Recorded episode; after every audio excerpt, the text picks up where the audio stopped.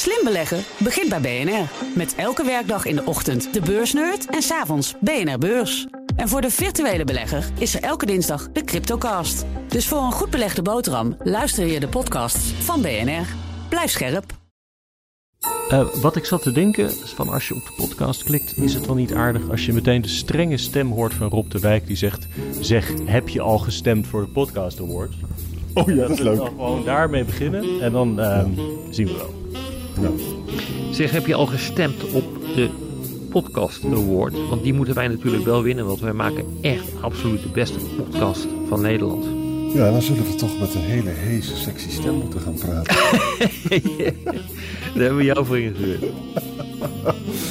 Mensen zitten met tien verschillende mailadressen zitten te stemmen. Ah, dat mag allemaal hè, bij ons, toch? Dat mag allemaal. Zo'n oproep tot fraude. Ga naar podcastawards.nl en stem op Boekenstein en de Wijk. Het kan nog een week of zo, dus ga er snel heen. Volgens mij is hij wel geestig, toch? Ja, hij is wel geestig. Hij is wel geestig. BNR Nieuwsradio. Boekenstein en de Wijk. Hugo Rijksma.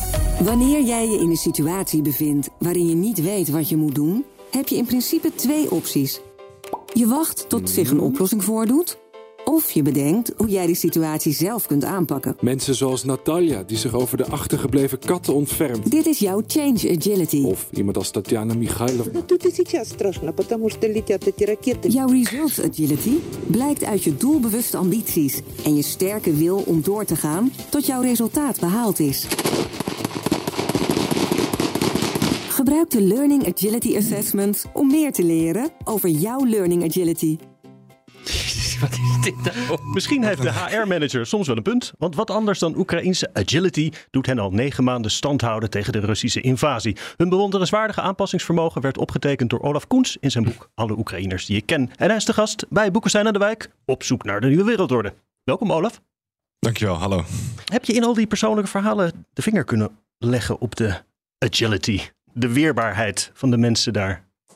Ja, zeker. Dat is iets, dat is iets waanzinnigs. Die Oekraïners zijn in staat om, om een, een volksoorlog uit te vechten. En natuurlijk wordt dat gedaan door, een, door, door het leger. Maar het wordt ook gedaan door, door de Oekraïners, door het volk. Uh, op de meest creatieve, de meest waanzinnige manieren. Ze zijn gelijk begonnen alle tramrails in alle steden eruit te slopen. En daar tankvallen van te lassen. Ze zijn Molotov-cocktails gaan maken. Als je vroeger een bierbrouwerij had, dan ben je in februari of maart Molotov-cocktails gaan maken. Overheid is instructies gaan printen en op straat gaan hangen. Waar, op welke plek van een panzervoertuig. dat daar, daar zo kwetsbaar is dat je dan daar die Molotov-cocktail op moet gooien. Ja, ja dat is iets. Uh, uh, ik heb nog nooit zoiets gezien. Mm. er, er, is veel conflict, maar ik heb nog nooit zo'n zo'n volksbeweging erachter Weet je waar het vandaan komt? Het is natuurlijk niet alleen die volksbeweging. Hè. Er moet ook even over worden nagedacht hoe dat precies georganiseerd uh, moet worden. We weten dat ja. dit al georganiseerd is voordat de een Russische inval daar was. We weten ook dat Oekraïne mee heeft uh, gewerkt aan het zogenaamde Resistance Operating Concept. We hebben het uh, ook vaker uh, hier besproken bij Boekestein en De Wijk. dat is een concept om de hele bevolking gezellig te laten meedoen in de oorlog. Mm, ja. heb, jij, heb je daar iets van gemerkt hoe dat dan georganiseerd is en wat erachter zit? Nee, het is een soort uh, een chaos waarin iedereen zijn weg wel vindt. Uh, en ze kijken heel erg naar uh, wat kan je, wat wil je doen. Het, het komt ook echt gewoon uit, uit, uit voort uit persoonlijk initiatief. Als, als, als jij wat, wat als jij een hele goede chauffeur bent, ja, dan, dan meld je aan als chauffeur. Mm-hmm. Als jij niet bang bent om te schieten, dan ga je schieten. Als je wel bang bent om te schieten, dan ga je de voedselpakketten inpakken of de voertuigen repareren. Um, wat je wel ziet op het slagveld, echt, echt aan de frontlinie of net daarbuiten. Um, ja, wat ze daar heel erg slim doen, is gewoon in hele kleine teams uh, opereren. Ja. Um, hè, dus, dus de Russen opereren in, in gigantisch grote groepen. Dat moet, er wordt leiding aangegeven, er wordt van boven nagedacht. En ik heb het idee dat die Oekraïners dat, uh, dat, dat niet zo aansturen. Nou ja, daar wordt ja, nu van bovenop, uh, bovenaf ook over nagedacht. ik denk dat ze meer in Rusland er van bovenaf over proberen na te denken, maar dat dat niet helemaal goed lukt. En dat ze hm. daarom nu gewoon in de shit zitten. Uh, maar het is inderdaad een wonder dat die, dat die kleine teams zo ongelooflijk goed, uh, goed presteren. Dat is echt een van de grote wonderen van deze, van deze hele operatie. Want wat ze doen kan eigenlijk niet. Het gaat, het gaat ook om vrijheid. Hè? Weet je, Olaf, ik werk op een uh, internationaal college, UCU. Hè, en ik heb allemaal Mhm. studenten ook uit Oekraïne en, en Georgië en de hele wereld. En, ik, en dan maak je van die interessante debatten mee. En dan zeggen de Nederlandse, de Nederlandse studenten zeggen wel eens van... nou, we moeten toch maar eens gaan onderhandelen, want die oorlog is toch verschrikkelijk. Hè? en dan staat er een Georgië op. Dit gaat om vrijheid. En bij de Amerikaanse burgeroorlog zijn 600.000 mensen omgekomen. Dat ging ook over het universeel principe van Ja, vrijheid. klopt. En ik, ik vind dat zo boeiend. Heb je als journalist ook dat je dus die, die, die vrijheidsliefde van, eh, eh, van, van de Oekraïners, dat je daar ook door aangestoken wordt en dat je er ook emotioneel van wordt?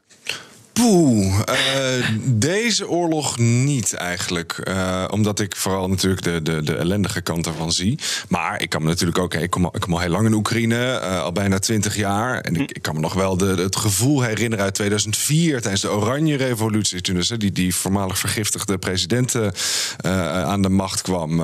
Later in, in 2014, die Maidan-protesten. Ja, dat, dat voel je wel. Ja. Dat voelt als een, ja, een revolutie, voel je. Een oorlog voel je ook, maar, maar toch meer de, de ellende dan eh, die drang naar vrijheid. Maar goed, het is zo. Ja, deze mensen vechten voor hun vrijheid. En het is natuurlijk inmiddels heel erg duidelijk dat het, het alternatief is, is eh, ja, verdwijnen in martelkelders in een soort een niemandsland. Nee, wa- dus wa- wa- wordt wat ik het meest, Olaf, het meest opmerkelijk vind, is dat dit gebeurt in een land dat eigenlijk tot voor kort onderdeel was van de Sovjet-Unie. Dus heb je nou het gevoel dat die, want het heeft toch iets ook met natievorming eh, te maken, hè? Volgens Ja. eh, Poetin is het nazi-vorming, maar dat is natuurlijk totaal, eh, totaal anders. Maar een natie is toch een, een groep, land, een groep mensen dat ook iets deelt met elkaar. Ja. Is dat nou altijd al zo geweest of hoe verklaar je dit? Nou, het, ze delen een, een, een gemeenschappelijke geschiedenis waarin ze altijd onderdrukt zijn geweest door Rusland. Ehm, of dat nu in 1933 was tijdens de, de, de, de hongersnood die daar specifiek is gecreëerd door Rusland. Of dat tijdens de Tweede Wereldoorlog is geweest. Of dat eh, na de val van de Sovjet-Unie is geweest. Dat, ze hebben crisis doorgemaakt door de geschiedenis heen, waarbij ze altijd onder, onderdrukt werden door de Russen. Ehm, ja, daar komt dat vandaan. Ja. Eh, maar je ziet nu een hele sterke, hè, dus de, de, de helden die ze kennen uit de tijd daarvoor of uit de Sovjet-tijd, de boeken waar ze niet uit mochten lezen eh, aan de universiteit in de Sovjet-tijd, ja, die komen nu naar boven. Daar worden de heldenverhalen uitgehaald. En een van de dingen die mij heel erg is opgevallen, ik, kwam, ik, kwam, ik ben heel veel in Oekraïne geweest, eh, ook vanaf 2014, vanaf het begin van, van, van, van de oorlog toen. Ehm, en ja, Oekraïne had altijd een soort een identiteitscrisis. Eh, het was een heel erg verscheurd land, ook nog eens een heel erg corrupt land. En dan ja, had men, zocht men van die folkloristische uitingen, eh, gena- geborduurde hemden, eh, volksmuziek en dat soort dingen. En ik heb dat altijd een beetje, ja, ik heb dat folkloristisch gevonden. Een beetje flauw, niet zo interessant. Ehm, Maar daar heb ik me gewoon heel erg in vergist. Die, die deuntjes die worden gespeeld, eh, dat zijn strijdliederen. Weet je, Het weet je is Olaf, nationalistisch geworden. Ja, we- in wezen. Ja. wat Napoleon heeft gedaan voor de Duitse natievormingen, doet Poetin nu voor de Oekraïnse. Ja, dat denk ik ook. Dat je daar gelijk in hebt. Ja. Zeker, zeker. En nu is dat nog, hè, nu zie je nog heel erg sterk dat dat wel degelijk op twee benen leunt. Aan de ene kant, ja, dat Sovjetverleden, dat is er. En er is een gigantisch groot verschil tussen de stad Lviv en de stad Kharkov. En Kharkov is eigenlijk gewoon een Sovjetstad, in ieder geval een post-Sovjetstad. Maar ja, deze oorlog maakt daar allemaal een einde aan. En sure, je ziet nu nog steeds dat hè, het standbeeld van Pushkin staat nog steeds overeind eh, in Odessa. Maar reken maar dat die Oekraïners dat eh, bij zijn enkels afzagen en de Zwarte Zee ingooien. En gelijk hebben ze. Ja. Olaf, denk je dat eh, Poetin kans van slagen heeft als hij probeert de Oekraïnse wil te breken komende winter door ze in het donker en in de kou te zetten? Of is- zijn ze daartegen bestand, denk je? Ehm, ik denk niet, om heel eerlijk te zijn, dat die aanvallen, die aanvallen specifiek nu tegen energiecentrales, die zijn niet zozeer tegen Oekraïners gericht als wel tegen ons. Dat doet de Russen op dit moment om ervoor te zorgen dat de Oekraïners op de vlucht slaan. Want als het koud Ja. is, als er geen elektriciteit is, als er geen stroom is, dan kun je niets. Hoe goed je het hebt, hoe slecht je het hebt, je kunt niets. Je vriest gewoon dood. Het wordt min 20, min 25 soms in Oekraïne. Dus die mensen slaan op de vlucht. Als dit in dit tempo doorgaat, krijgen wij te maken met een gigantische vluchtelingenstroom. Polen, Daar is het op te doen. 20.000 Oekraïners per dag. Ja. Jongens, dat is echt verschrikkelijk. Anderhalf miljoen eh, mensen in Polen op dit ogenblik eh, opgevangen. En ze weten niet meer hoe ze het moeten redden. Nee, het, en, en, en eh, Oekraïners mogen vrij reizen door de hele Europese Unie heen. Maar goed, ook bij ons, eh, onze opvang kraakt eh, op alle mogelijke manieren. Dat hebben we natuurlijk heel erg gezien in Ter Apel. Maar ook op andere plekken. Ehm, en, en daar is het om te doen. Dit is specifiek door Rusland gecreëerd. Niet om die Oekraïners te pesten. Sure, dat ook. Maar het is vooral om ons uit elkaar te spelen. Zodat Sterker, wij eh, vanzelf de- gaan zeggen... nu moeten jullie onderhandelen. De elektriciteitsexporten vanuit Oekraïne naar Europa zijn gestaakt. Ja. Door, deze, door deze aanvallen. Nee, ik, ik ben het volstrekt met je, met je eens. Maar ik, heb jij nou het gevoel dat wij hier in het Westen begrijpen dat dit zo is? En Nee. dat eh, wij eigenlijk feitelijk in oorlog zijn met Oekraïne? De facto in ieder geval economisch een oorlog. Met, met Rusland, ja. Eh, sorry, een oorlog met, met Rusland. Eh, ik, ik, denk het, ik denk het toch niet. Hè. Eh, al die gevoelens die er nu zijn, die kopen we af met 190 euro per maand eh, toeslag op je, eh, Ja. op je energiekosten. Ook aan rijke mensen. Ook aan rijke mensen. Eh, Ja. eh, maar ik heb het gevoel dat dat, dat helemaal niet speelt. Of, of Nee. hoe kijk jij daar Eh, tegenaan? dat, dat, dat, nou, dat gevoel heb ik ook. En ik denk ook dat we, dat we Rusland. eh, eh, we hebben daar wel de, de waarschuwingen van kunnen zien, maar die hebben we nooit willen zien. Ehm, eh, deze vluchtelingenstroom, het onder druk zet- zetten van Europa, het proberen uit elkaar te spelen van Europese, West-Europese landen aan de hand van een vluchtelingenstroom, dat hebben de Russen eerder gedaan. Ja. Dat is in Syrië gebeurd. Ja. Dat is waar allemaal de Syriërs gevlucht zijn. En als we nu verontwaardigd zijn, wanneer we Belarus kijken heeft naar dat beelden gedaan. van eh, ook, zeker. Ja, dat hebben ze geprobeerd op veel kleinere schaal natuurlijk. Ehm, maar als, je, eh, als, we, als we nu kijken en heel erg verontwaardigd zijn en boos over de manier waarop Rusland systematisch scholen en ziekenhuizen aanvalt, dan hebben we echt niet opgelet over wat er in Syrië is gebeurd de afgelopen zeven, acht jaar. Daar hebben de Russen systematisch exact hetzelfde Ja. gedaan. De Syriërs, de Syrische oppositie, hebben in al hun wanhoop een lijst opgesteld van ziekenhuizen en klinieken. Die hebben ze naar de VN gegeven. En de VN heeft ze aan de Russen gegeven in de hoop dat die ziekenhuizen niet gebombardeerd zouden worden. Dus dat hebben wel. de Russen gedaan. Die hebben exact al die ziekenhuizen gebombardeerd. Ja. Dat hebben we gezien, dat hebben we meegemaakt. En toch zijn we verbaasd wanneer hetzelfde in Oekraïne gebeurt. Ja. BNR Nieuwsradio. Boekenstein en de Wijk. Op zoek naar de nieuwe wereldorde. Dit is Boekenstein en de Wijk. En dat programma is natuurlijk niet zonder Arjan Boekenstein en Rob de Wijk. Mijn naam is Hugo Reitsma en onze gast is RTL-correspondent Olaf Koens. Mag ik eh, het, het, het gesprek even verleggen naar eh, jouw nieuwe standplaats, plaats eh, Istanbul? Zeker. Eh, en eh, de baas van het land Turkije, of Turkije heet dat geloof ik tegenwoordig, anders worden ze ook nog heel boos. Ehm, die speelt hier toch wel een bijzondere rol in, hè? Tja. Ja, s- speelt een hele bijzondere rol. Eh, Over, over dat, hè, kijk, dat is trouwens wel interessant. De Turken willen tegenwoordig dat wij niet langer Turkije zeggen, maar Turkije. Eh, in Kiev willen ze heel graag dat wij Kiev zeggen, Ja. schrijven. K-Y-E-I met een puntje erop. Ja. Met twee puntjes en een V. Maar goed, Dat kan helemaal niet met mijn computer Dat volgens kan mij. helemaal niet. Eh, nee, nee, nee. We hebben taal, de regels voor de taal bepalen we natuurlijk zelf. Dus is, Nee, maar je wordt een politiek debat in, eh, ingezogen door Ja, dit soort... dat eh, dat moet je gewoon Rutte- niet, eh, daar moet je niet in meegaan. Nee, en- maar, maar, maar onze politiek doet het. Hè? Wanneer Rutte naast Erdogan zegt, staat, zegt hij... I'm so happy to be back in Turkije. Ehm, ja, eh, dat is gewoon geen fatsoenlijk Nederlands. Anyhow, ja, dat is iets fascinerends. Fascinerends. Ik kan het het best illustreren aan de hand van een screenshot... dat ik heb gezien van Tinder. Moet ik wel aan u beiden vragen, heren... eh, weten jullie wat Tinder Nee, is? vertel eens. Ik heb geen idee. Dat is een dating app. het is heel populair over de hele wereld. Ik heb een screenshot gezien. Ehm dat is fantastisch. Er staat een, een Turkse man probeert te flirten met een Russisch meisje, denkt hij. Die hebben contact met elkaar. En hij schrijft aan haar: Come to Istanbul. Komt naar Istanbul. Eh, eh, Turkije steunt Rusland. Ehm, Turkey supports Russia. En dan schrijft zij terug: Ja, maar ik kom uit Oekraïne. I'm from Ukraine. En dan schrijft hij terug: Come to Turkey. Come to Istanbul. Turkey supports Ukraine. En dat, is- dat, is, dat is inderdaad wat ze doen. Ze proberen het gewoon allebei. Eh, en in het begin, ik denk in maart, hebben we natuurlijk een aantal onderhandelingspogingen gezien in Istanbul. En heeft Erdogan een beetje geprobeerd te kijken of hij daar niet heel handig een soort mediator in zou kunnen zijn. Hè? Het zou toch maar wat zijn als de vrede van Istanbul onder Erdogan getekend wordt. Inmi- Inmiddels zien we denk ik allemaal wel dat die onderhandelingen er niet komen. Maar Turkije speelt nog steeds ja, een best wel interessante Nou ja, dubbelrol. een rol eh, met, een, eh, met de eh, levering van drones. Wat denk ik het allerbelangrijkste is, is dat ook de onlangs, zeer onlangs weer overleg is geweest tussen Poetin en Erdogan over het transformeren van Turkije in een, of Turkije of zoiets, in een, eh, Bijna goed. in een, in een eh, energiehub. Hè? Dus eh, Ja. dan eh, zou Russische, Russisch gas zou dan via, via Turkije kunnen worden vervoerd naar, naar Europa. Ook in een Ja, kennelijke poging, interessant om de Europeanen te verdelen, die dus niet in de kou willen gaan zitten. Nee. Is, het, is het nou echt een, ehm, een idee om jezelf op het wereldtoneel te zetten? Of is het allemaal binnenlandse politiek om de ko- komende verkiezingen te winnen?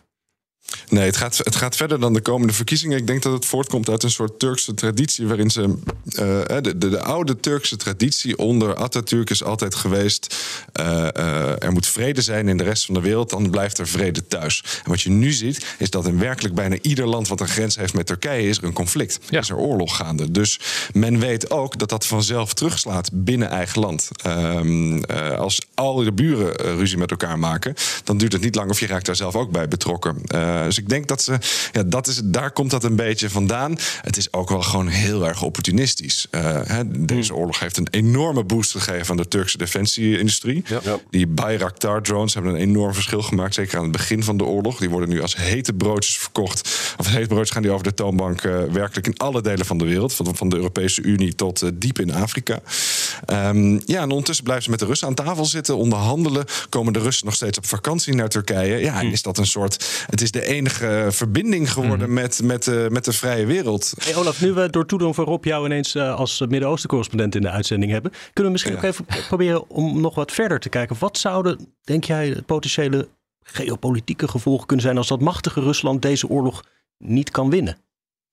Nou, dat, dat, daar zijn natuurlijk eh, eh, daar zijn een aantal hele mooie historische parallellen over, over, over te vinden. Ehm, in het jaar eh, 1905 heeft Japan een oorlog Ja. gewonnen tegen het tsaristische Rusland. Er is een heel mooi boek over geschreven. Einde van de tsaren geworden, uiteindelijk. Eh, From the Ruins of Empire. En die beschrijft heel duidelijk hoe dat voor het eerst was dat een, een klein niet-westers land, een gigantische grootmacht en rijk, op de knieën kreeg. En hij beschrijft heel goed hoe dat allerlei politieke figuren en leiders, toekomstige eh, politieke en militaire leiders over de hele wereld heeft geïnspireerd. In 1905 las eh, eh, een jonge Ottomaanse soldaat in Damascus, namelijk Mustafa Kemal Atatürk, dit in een krant. Ja. En raakte daar ontzettend door geïnspireerd. Ja, je moet het eigenlijk nog racistischer zeggen. Het gele, het gele ras was in staat om het witte ras te verslaan. En dat paste helemaal niet bij het wereldbeeld van al die mensen die de courant open sloegen in die tijd. Maar het is interessant wat je zegt. Dus Japan, eh, dat was kleiner dan Rusland.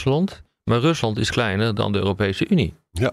Dat moeten we dan ook niet Eh, vergeten. En als je dus nu ziet wat er gebeurt met die... Economisch gezien, niet qua grondgebied. Nee, maar grondgebied doet er niet toe. Want het zijn eh, inderdaad elf tijdzones, maar 140 miljoen mensen.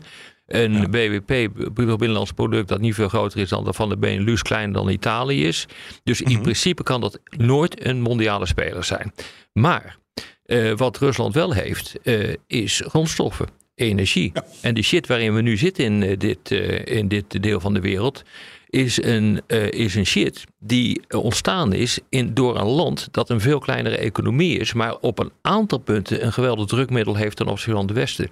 Dus het zou mij ook niet verbazen wanneer Poetin deze geschiedenis kent en op grond hiervan zegt, nou een klein land kan ook een heel groot land of een, heel, een hele grote unie eh, verslaan. Dat zou me niet verbazen als dat erachter zit. En dat is Maar precies dat ook. En dan zijn we terug bij, eh, bij de discussie die je zelf hebt aangezwengeld over de aanvallen die hij pleegt op Oekraïne zelf. Om ervoor te zorgen dat die vluchtelingen onze kant op eh, kan. Hij, hij, Ja. Dit is onze Achillespees. Ja. Aan de andere kant, we zijn toch allemaal wel heel erg bang geweest voor Rusland. En is dat terecht geweest? Ja, dat is absoluut af. eh, terecht. Dat is, eh, dat, je mag dat zo'n opmerking mag je eigenlijk nooit maken. Achter, want dat is namelijk wijsheid achteraf. Ehm, Je Mhm. hebt precies wat je zei, te maken met het tweede leger van de wereld. Daar moet je, dit- dat moet je sowieso serieus nemen. En kernwapens. Doe je dat niet met kernwapens. En ze hebben nog steeds hun beste wapensystemen niet aangesproken. Dus Maar moet je daar bang zijn? niet de- Absoluut. Onderschat niet nooit het je tegenstander. wapen? Is dat niet het beste wapen wat ze hebben? Wat? Dat wij ze zo overschatten. Nou, ik, over, ik, zou, ik, ik, zou, zo- ik zou er gewoon reëel naar kijken van wat het is. Het is niet een kwestie van onderschatten of overschatten. Maar het allerstomste wat je kunt doen, blijkt uit de militaire geschiedenis, is het onderschatten van je tegenstander. En dat heeft, dat heeft Poetin dus ook gedaan met betrekking tot Oekraïne. Zo simpel is dat. Dat is Ja, maar- een magistrale fout die dit Maar wat we wel onderschat hebben, is de enorme corruptie ook in de krijgsmacht zelf. hè? Ja, nee, dat wisten we ook wel. We wisten Ja. gewoon dat eh, de krijgsmacht door en door corrupt eh, was. We weten al eh, dat eh, sinds 2008 eh, die hele krijgsmacht eh, geherstructureerd wordt van, eh, van Rusland. Dat dat erg lastig was eh, om dat voor elkaar te krijgen. We weten dat een aantal wapensystemen dat erin zou eh, worden gefaseerd. Dat dat eigenlijk allemaal bluff is geweest ook van... eh, van eh, maar ja, jongens, maar ze hebben wel in potentie miljoenen mensen onder de wapens. Dus zo, zo simpel is dat. Kunnen dat wij moet je gewoon serieus nemen. Kunnen wij tot slot nog heel even terugkeren naar waar we begonnen, namelijk bij de mensen, maar dan bij de Russen. Eh, Olaf, je hebt natuurlijk ook heel veel Russische vrienden en kennissen. Mhm. Zie jij de Russische bevolking ooit nog een gevaar vormen voor het eh, voortbestaan van Poetin als dit zo doorgaat? Ja, zeker. Kijk, er is natuurlijk iets, iets, iets waanzinnigs eh, gebeurd. Ehm, ik zat me toevallig gisteren af te vragen... stel nou dat ik terug zou kunnen naar, naar Moskou. En ehm, ik moet zeggen, daar, daar denk ik wel eens over na. Nou goed, het kan niet, maar ik zou heel graag in Moskou zijn. En toen ik daar over nadacht... toen bedacht ik ook, ja, als ik nu naar Moskou zou gaan... ik zou niet weten met wie ik nog af zou kunnen spreken. Want werkelijk iedereen die ik ken is gevlucht. Uh, uh, en de Russen die ik ken zitten allemaal bij mij in de buurt in Istanbul of in Georgië of Ja, ja. in uh, Israël, noem het maar op. Ja, ik denk wel degelijk dat. Ik denk eigenlijk dat de, wat, wat de Russen een beetje onderschatten, is het gevolg dat deze oorlog kan hebben in eigen land. Um, ik sluit het niet. Ik denk dat er voor Rusland zelf twee scenario's zijn. Uh, het eerste scenario zou zijn dat het een soort Iran wordt. Hè? Een, een, een, land wat zwaar onder sancties ligt, volledig geïsoleerd wordt, wat een oorlog uitvecht hier, dan misschien daar, uh, waar, waar, waar repressie ieder jaar verder en harder gaat. Um, dat is één scenario. Een ander scenario, wat ik ook niet helemaal uitsluit, is dat die oorlog best wel eens kan overslaan in eigen land. Um, er zijn, er Rust, wij, kijken, wij zijn gewend naar Rusland te kijken als een soort, een soort monoliet, groot, machtig. Uh, uniform land. Uh, maar dat is het natuurlijk ja. helemaal niet. Er wonen hm. meer dan 150 verschillende volkeren ja. binnen de grenzen van wat Rusland is. Alleen al in de deelrepubliek Dagestan worden meer dan 50 talen gesproken. En wanneer ja, het centrale gezag bezig is de controle te verliezen, omdat ze ook ja, een oorlog uitvechten, kan er van alles gaan gebeuren. Je ziet natuurlijk nu al allerlei hele gevaarlijke tendensen. Uh, de rol die, die, die de Tsjechische uh, massamoordenaar, moet ik zeggen, Ramzan Kadyrov opeist. Ja, uh, die kan die ook wel eens in Moskou op gaan eisen. Um, al die mensen die, die deze oorlog uitvechten, of ze dat nu tegen hun wil doen of niet, juist de mensen die dat niet tegen hun wil doen, hè, die daar erg gemotiveerd in zijn, ja, die, die keren met al die wapens ook weer terug in eigen land. Um, hm. Ik zie dat niet goed gaan. En wat de Russen natuurlijk doen, is dat ze nu. Het volk wordt gemobiliseerd. Al die mannen uit al die deelrepublieken, uit achtergebleven gebieden, ja, die, die, die worden daar weggehaald. Dat zorgt voor onvrede. Dat zie je nu al. Je ziet het nu bij de zuidelijke uh, republieken van de voormalige Sovjet-Unie. Ja. Ja. Die beginnen zich één voor één, beginnen zich inclusief Kazachstan, de belangrijke bondgenoot, die beginnen zich. Absoluut. Nou ja, af te keren wil ik niet zeggen, maar het scheelt niet veel. Nee, het scheelt niet veel. Die hebben een enorme ommekeer gemaakt. En ik denk dat er een punt komt. Hè, er zijn natuurlijk gewoon miljoenen, miljoenen Russen tegen deze oorlog. En als jij daar tegen bent en je wordt opgepakt of je wordt gemobiliseerd, je moet het leger in. Ja, je moet je als man toch langzaam maar zeker als Russische man gaan realiseren dat uh, de beveiliging bij de poorten van het Kremlin toch echt stukken minder goed bewapend is dan de Oekraïners aan het front. Mhm. Mm -hmm. Dus uh, choose your battle. Hmm. Ja, ja, ja. Op de radio ronden we af, maar in de podcast gaan we langer door met luisteraarsvragen. Luistert u op de radio, dan verwijs ik naar boekensteinendewijk.nl of uw favoriete podcast-app. Uh, Stef Groefsema vraagt: hoe zit het met de bevoorrading van de supermarkten en andere basisbehoeften voor de burgers in Oekraïne? Is daar enige verandering in gekomen sinds de Russen zich meer zijn gaan concentreren op de vitale infrastructuur? Olaf, hmm. druk daar. Goede vraag. Ik heb eigenlijk tot mijn verbazing geen hele grote significante problemen gezien met, ja. met, met supermarkten. Ik ook niet. Uh, totaal niet. Um, uh, sterker nog, ik was in, in de stad Dnipro uh, vorige maand. Ja, daar is zelfs nog een, een excellente wijnkeuze. en als het ene, als het ene, de ene fles wijn uit Sardinië niet aanwezig is, dan is er wel een andere. Hm. Um, nee, het valt me heel erg mee. Je ziet geen tekorten. Er is natuurlijk toen de tweede reis die ik heb gemaakt in de zomer, toen was benzine, diesel was op rantsoen. Dat is ook opgelost. Um, nee, wonder boven wonder. Is, het logistiek is het, is het in orde. En ja, maar die treinen lopen allemaal nog wel. En die uh, wegen die zijn ook niet allemaal kapot gebombardeerd. De vitale infrastructuur waar men zich op dit ogenblik op uh, richt, is elektriciteit en water.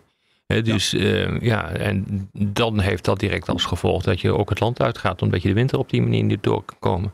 Absoluut, absoluut. Maar je merkt, hè, dat, dat merk je niet in de supermarkten. Er is geen paniek bij banken of iets in die trant. Eh, en de Oekraïners hebben een enorme omslag gemaakt. Natuurlijk ook in coronatijd naar, een soort digitalisering. Eh, je kan alles online kopen en het wordt allemaal bezorgd eh, voor je deur en zo. En dat gaat gewoon door. Je kan in Kharkov zelfs tijdens de allerzwaarste bombardementen in Kharkov... kon je gewoon sushi bestellen. Het werd nog bezorgd ook.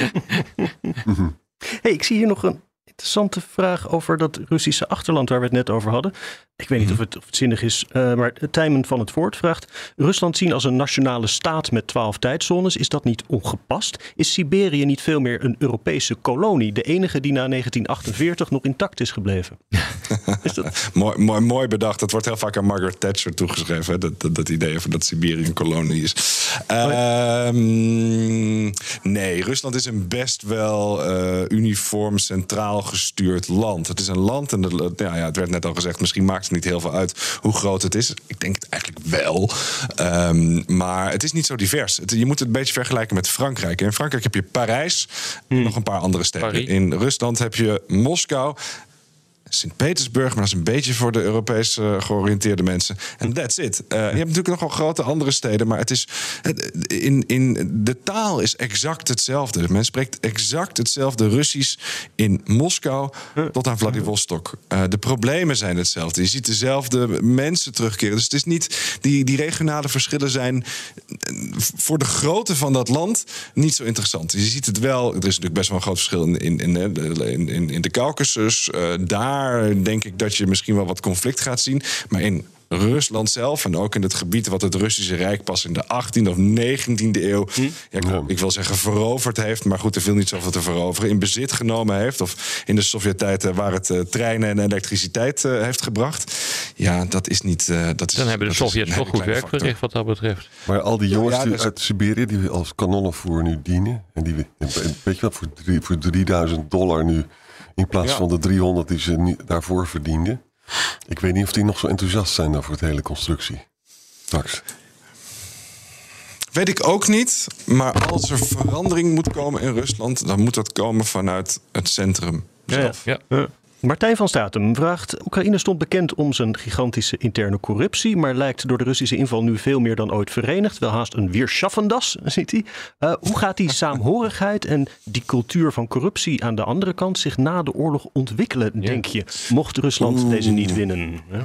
Ja, ehm, eh, nou dat is een heel groot probleem. Daar maak ik me heel erg veel zorgen over. Je ziet natuurlijk nu, hè, men heeft een gezamenlijke vijand. Daar wordt tegen gevochten op een bijzonder heldhaftige en bewonderenswaardige wijze. Maar als dat wegvalt, ja, het eerste wat je natuurlijk gaat zien is dat er allerlei Oekraïners een helderrol komen opeisen. Eh, en die dat ook in politieke munt En er uitbetaald allerlei worden. criminele organisaties zijn die beslag leggen op eh, de geïmporteerde wapens. En die gezellig Absoluut. over de hele wereld gaan eh, verkopen. Hè, dat Nou, natuurlijk ook misschien een. eh, verkopen. nou, of misschien zelf achter de hand houden. Mochten ze een, een, ook, een maar er conflict zijn er wel heel veel hoor, om achter de hand te houden inmiddels. Ja, maar we, we hebben het wel gezien in 2014. Eigenlijk in 2015, na het begin van de oorlog toen... eh, dat er allerlei Mhm. groeperingen in Oekraïne waren... die zeiden, ja, wij hebben hard gevochten in het oosten van Oekraïne... nu willen we dat Kiev ons Zeker. daarvoor eh, uitbetaalt. Ja. Die zijn gewoon met getrokken wapens eh, naar de hoofdstad gekomen. Ja. Ehm, en ik denk dat je zoiets gaat zien...